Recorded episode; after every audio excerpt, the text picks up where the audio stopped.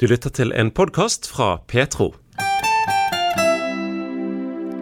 Ville du ha tolerert festing og bråk, eller ville du ha kastet ut en leietaker med rusproblemer? Et eldre ektepar med stor tro, tålmodighet og kjellerleilighet fikk avgjørende betydning for Thomas Hagevik. Han er denne ukens Petro-gjest hos reporter Sissel Haugland. Vi fikk nå litt opplæring om Jesus hjemme, sånn, og spesielt gjerne om min far, og litt bak kveldsbønn og sånne ting. Så har jeg jo gått på, gått på kristent ungdomsarbeid, kan du si, da. Men det var litt sånn fordi at alle andre gikk på det. Ja, Du fikk jo med deg eh, en del grunnleggende ting da, i troen, egentlig. Ja, man fikk med en sånn en grunnstein, kan du si. Og den, den hang nå med likevel i hele ungdomsårene, selv om jeg fant på mye rart i ungdomsårene og litt ut i voksenperioden, så hang den troen hele tiden med dypt, dypt inni der. Mm. Egentlig mye sterkere enn det viste på overflaten. Mm. Det gjorde det. Mm. Men du skulle tidlig komme litt bort i rus og, litt sånn allerede som 14-15-åring eller 15-16-åring? Ja. Jeg eh, hadde en veldig sånn Kjedet meg litt når jeg var ungdom, på en måte. Det var ikke mye tilbud der ute som, som eh, jeg bodde. Det var stort sett fotball og friidrett, og hadde man ikke interesse for løping eller fotball, så var det ikke så mye annet å gjøre. Så vi var litt sånn, begynte å eksperimentere først litt med alkohol, og, og så begynte jeg å dra det litt videre ut med, med, litt piller og ulike typer stoff, og det banet litt sånn på seg, da, etter hvert. Så du fikk etter hvert litt for mye makt da, over deg? Ja, det gjorde det. Men det var mange som, veldig mange som havner ut i rusproblemer, de gjør det jo pga. at de har en, noe, noe, de sliter med, kan du si. Men det var ikke tilfellet med meg. Med meg var det kun spenningsjag og kjedsomhet, egentlig. Jeg kom fra et veldig, veldig godt hjem med veldig gode, trygge foreldre. Så det var ingenting der, kan du si, som gjorde at jeg havnet utpå. Men det som, det, som jeg, det som jeg har merket og sett på veldig mange andre, er det at altså, man kan havne utpå og på feil ting og havne ut i rusproblemer og forskjellig, selv om man kommer fra et godt hjem. Men hvis man kommer fra et stabilt hjem, så har man mye sterkere forutsetninger for å komme seg ut fra rusen igjen. For det er det som er med narkotika. Selv om man går inn i det gjerne med uten problemer eller noen ting, så gjør det noe med en. Sånn at en, en får gjerne problemer som en ikke hadde før man, før man begynte med det. Så jeg, jeg, fikk, jeg ble deprimert ut av det, kan du si. Og jeg forsto ikke at det var det som førte meg inn i depresjon. Så når jeg ble deprimert, så bare ruste jeg meg mer. For akkurat i de øyeblikkene jeg var ruset, så kjente jo ikke jeg på som oftest ikke på noe depresjon, kan du si. sant? Men eh, du leiet leilighet hos eh, et eldre ektepar som skulle få stor betydning for det, ditt videre liv? Ja, ja det, det hadde de virkelig. For eh, jeg var, så etter leilighet. Eh, det var kun jeg som skulle bo der, men husker at jeg var og så i lag med en kompis. da. Og da mens vi var og så på leiligheten, så fortalte nå disse her, dette ekteparet at de var pinsevenner. Og da var det akkurat som om det var noe inni meg som sa at du kommer til å bli kristen mens du bor her. Men den tanken feide jo jeg bare vekk. og, og, så tenkte jeg aldri, tenkte ikke noe mer på den tanken. Og jeg bodde der en stund. og jeg oppførte meg jo ikke veldig bra. Vi ruste oss jo veldig mye der. Og jeg fikk vite i ettertid at naboene som bodde der, de hadde vært på døren fire ganger i hvert fall og krevd at de skulle kaste meg ut, for de ville ha meg vekk fra nabolaget. For det ble så mye dårlig miljø der pga. alle som var på besøk da, hos meg. Og de hadde, de hadde tydeligvis et sånt fast en sånn naboråd i området der, og der hadde de tatt opp flere ganger hvordan de skulle prøve å bli kvitt meg. Men disse som jeg leide hos, de hadde bare svart i at, svart i at nei, vi kommer ikke til å hive han ut, for uh, Gud skal frelse han. Og Gud skal ordne opp. Og, og, og, naboene tok jo ikke det så veldig fint at de svarte på den måten. Men så gikk det nå en god stund, og så var det det som skjedde til slutt. Oi, Så de, de fikk rett? Ja. De hadde faktisk Sjøl så hadde de flere ganger så hadde de faktisk, eh, de som er leide hos, de hadde skrevet utkastelsespapirer, kan du si. Og var på vei ned til meg med de. Og på vei ned så hadde Gud stoppet de og sagt at ikke de skulle gå ned og levere de. Og at han skulle komme til å ordne det. Og de ba mye for deg òg? Ja, de ba veldig mye. Dette, de var jo ikke unge, de var jo de var nå i hvert fall pensjonert. Så de var nå godt voksne. Og, men de satt likevel oppe gjerne langt utpå natten og hele natten noen ganger bare for meg. Mens jeg hadde folk og spetakkel og fest eh, i kjelleren. Og, så de var utrolig tålmodige. Det skulle vært flere sånne som de. Fordi eh, de, eh, ja, jeg snakket jo litt med de òg, og de var jo veldig frampå. Så de, de sa det at de tipset meg om Når de så at jeg på en måte begynte å bli litt mer åpen, da, så fortalte de om et møte som skulle være. Et kristent møte med en evangelist. som Jeg hadde jo aldri hørt om han, men en som heter Viggo Wilhelmsen. Så jeg vet jo at han er en, en godt kjent evangelist i Norge som reiser rundt og veldig godt likt. Så jeg gikk på det møtet, og på det møtet så plutselig så begynte han å snakke Han snakket jo på en måte som jeg aldri hadde hørt før, for jeg var ikke vant til du kan si, pinse, pinsekarismatisk levende forkynnelse var ikke jeg vant til det, på den måten som han, som han forkynte. Jeg vet ikke hva kategori man skal sitte det inn i, men i hvert fall levende forkynnelse. da. Hadde ikke jeg hørt før på den måten. Og så begynte han å beskrive akkurat sånn som jeg hadde det, og sa på mange måter 'Føler du det sånn, og føler du det sånn?' Og plutselig så sa han navnet mitt. 'Har du det som Thomas?' sa han. Og så bare gikk han videre og snakket om noe om, om andre ting. Og det der, det der stakk jo i meg. Så på slutten av møtet så ba han oss om å ta opp hånden de som ville bli kristen, og jeg, jeg, tok opp hånden. Og jeg var ikke forberedt på å, på å kjenne eller oppleve noen ting. Men jeg, jeg, i, det, han ba for meg, og han var ikke ane meg, han var helt framme, og jeg satt ganske langt bak, så kjente jeg at det skjedde noe i brystet på meg. Jeg kjente noe fysisk som skjedde. At det var noe som, noe som flyttet inn, sikkert. Altså om det var Den hellige ånd som flyttet inn, mest sannsynlig. Men jeg kjente det, og det var Det kan ikke ha vært psykisk, for jeg forventet ikke at det skulle skje. Helt fysisk bare grep Gud inn? Ja, han gjorde det. Det var, en, det var jo en, vei etterpå det, for jeg var jo ganske Selv om jeg hadde vært litt i kristent miljø på barneskolen, så var jo ikke jeg kjent med hvordan ting fungerte. Så jeg trodde jo at jeg kunne fortsette å ruse meg litt og holde på og drikke litt, og at Gud bare på en måte så mellom fingrene med med ting. Men uh, han er jo veldig tålmodig da, og forståelsesfull, så han lot meg jo få tid til å skjønne at sånn kunne ikke man holde på. Og da skjønte jeg at jeg, eh, at jeg uh, trengte, trengte, hjelp. Det tok litt tid for meg å skjønne at jeg trengte hjelp til å komme ut av rusen, selv om jeg hadde prøvd et par ganger sjøl aleine. Så uh, de, som, de, som, arrangerte dette møtet, det var noen som òg driver et rehabiliteringssenter, et kristent rehabiliteringssenter, som nå heter Bergen Dream Center med Trond Taule. da. Så, han, så de, eh, de, så jeg, de så jo at jeg trengte rehabilitering og trengte et sted å få hjelp, men jeg så jo ikke det sjøl. Så de på en måte, om du kan si at de lurte meg, lurte meg, litt på en god måte, så sa de at det var rett før påskeferien.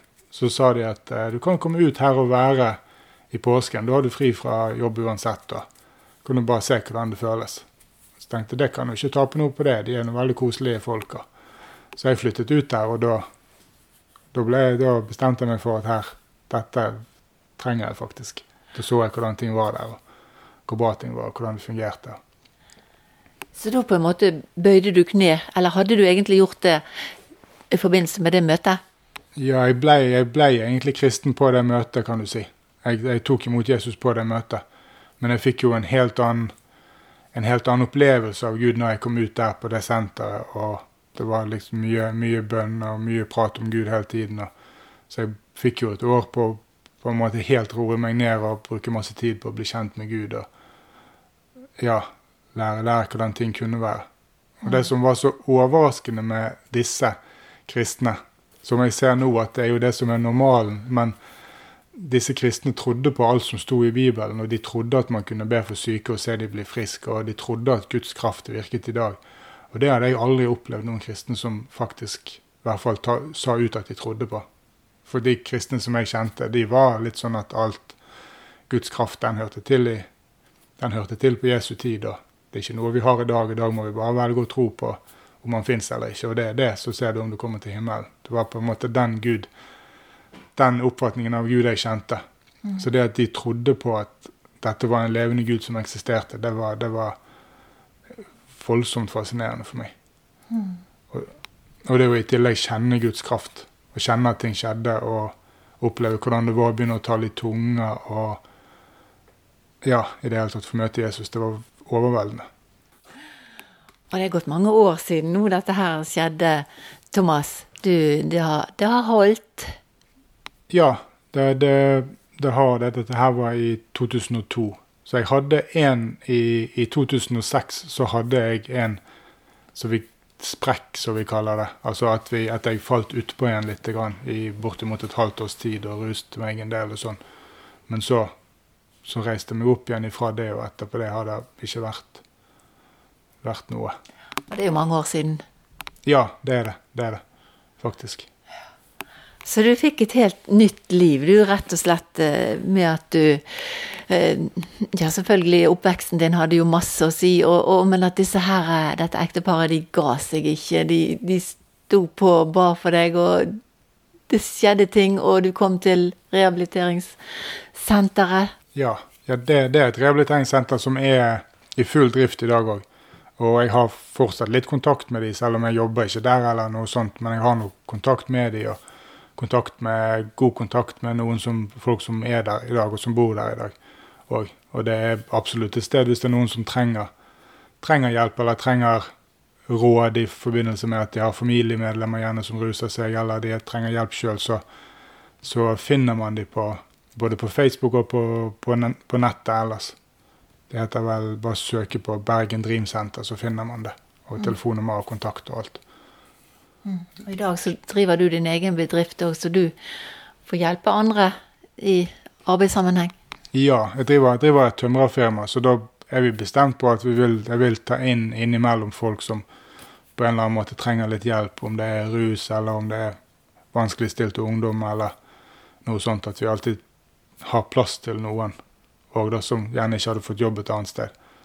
Og mange av de er veldig ressurssterke òg. Mm. Så det blir en positiv, blir en positiv, eh, positiv faktor inn i firmaet òg.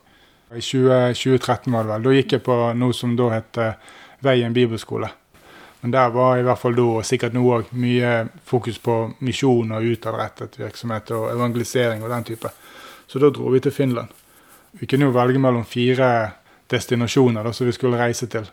Og da kunne vi sitte opp liste over hva nummer én, nummer to, nummer tre, nummer fire. Og jeg hadde Finland på sisteplass.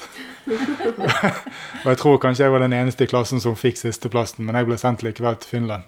og det er jeg veldig glad for. Glad for. Ja, Det skulle få veldig konsekvenser. Ja, der møtte, jeg, der møtte jeg hun som nå er min kone og mor til mine to barn, som flyttet til Norge for å gå på samme bibelskolen.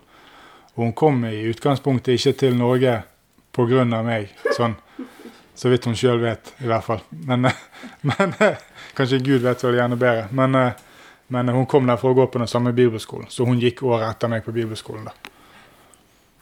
Ja, og det ble resultater av? ja, vi ble, vi ble vel sammen ca. en uke etter at hun var kommet til Norge. Tre dager etter at hun var kommet til Norge, ble vi sammen, og vi ble forlovet veldig kort tid etterpå. Vi var, Jeg skremte, skremte faren hennes ganske mye, for vi, Hun er jo fra Finland, og vi har jo en eh, Jeg har jo hatt en sånn forestilling om at det, det er jo ære, ære faren å be om, be om datteren sin hånd. Så vi var jo Og jeg hadde, var jo tenkt til å be henne til å eh, Jeg var tenkt til å fri til henne i løpet av høsten. Og da skulle vi bort og besøke dem en gang og hilse på dem. Sånn. Og det var bare én gang vi skulle gjøre det før jeg var tenkt til å fri til henne.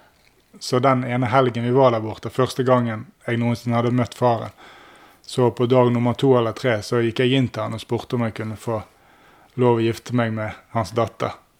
Og, og jeg har jo skjønt i ettertid hvor, eh, hvor, mye det sikkert kan skremme en far når noen man ikke kjenner, kommer og spør. Men han sa ja. Han ble veldig rørt, og han sa ja. og Jeg vet nå seinere at han var noe livredd og for hvordan det skulle gå, og veldig skremt. Men vi er blitt veldig, veldig gode venner. Han Han ble, han ble fornøyd med meg. og, og, og, hun skulle òg bli et bønnesvar for den konen du hadde bedt om, som ikke smakte alkohol?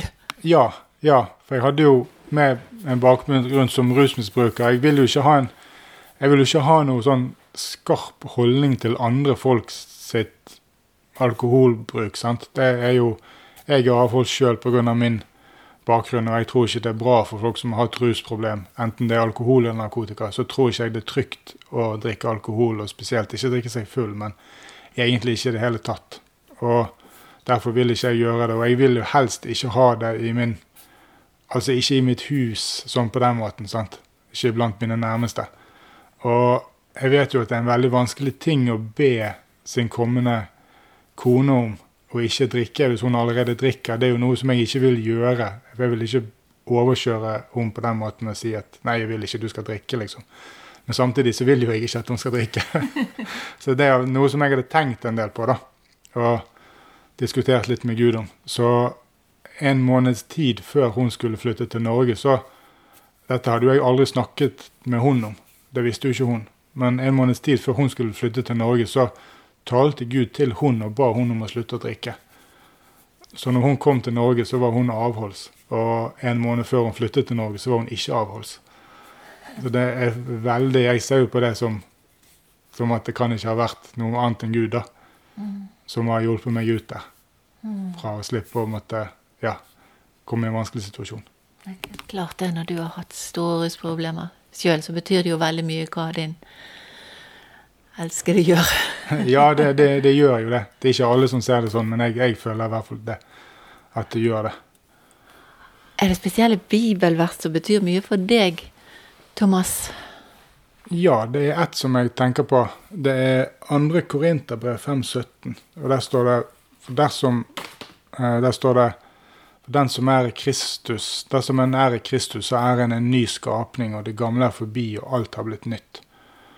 Og det, det er et mye sterkere bibelvers enn de, fleste, enn de fleste tar det som. For hvis man tar det helt bokstavelig, og det skal man jo gjøre, så er man en helt ny skapning når man blir kristen. Og uansett hva bakgrunn en har, om det er det ene eller det andre, så kan en regne seg, i det man tar imot Jesus, så kan en regne seg som helt ren framfor han.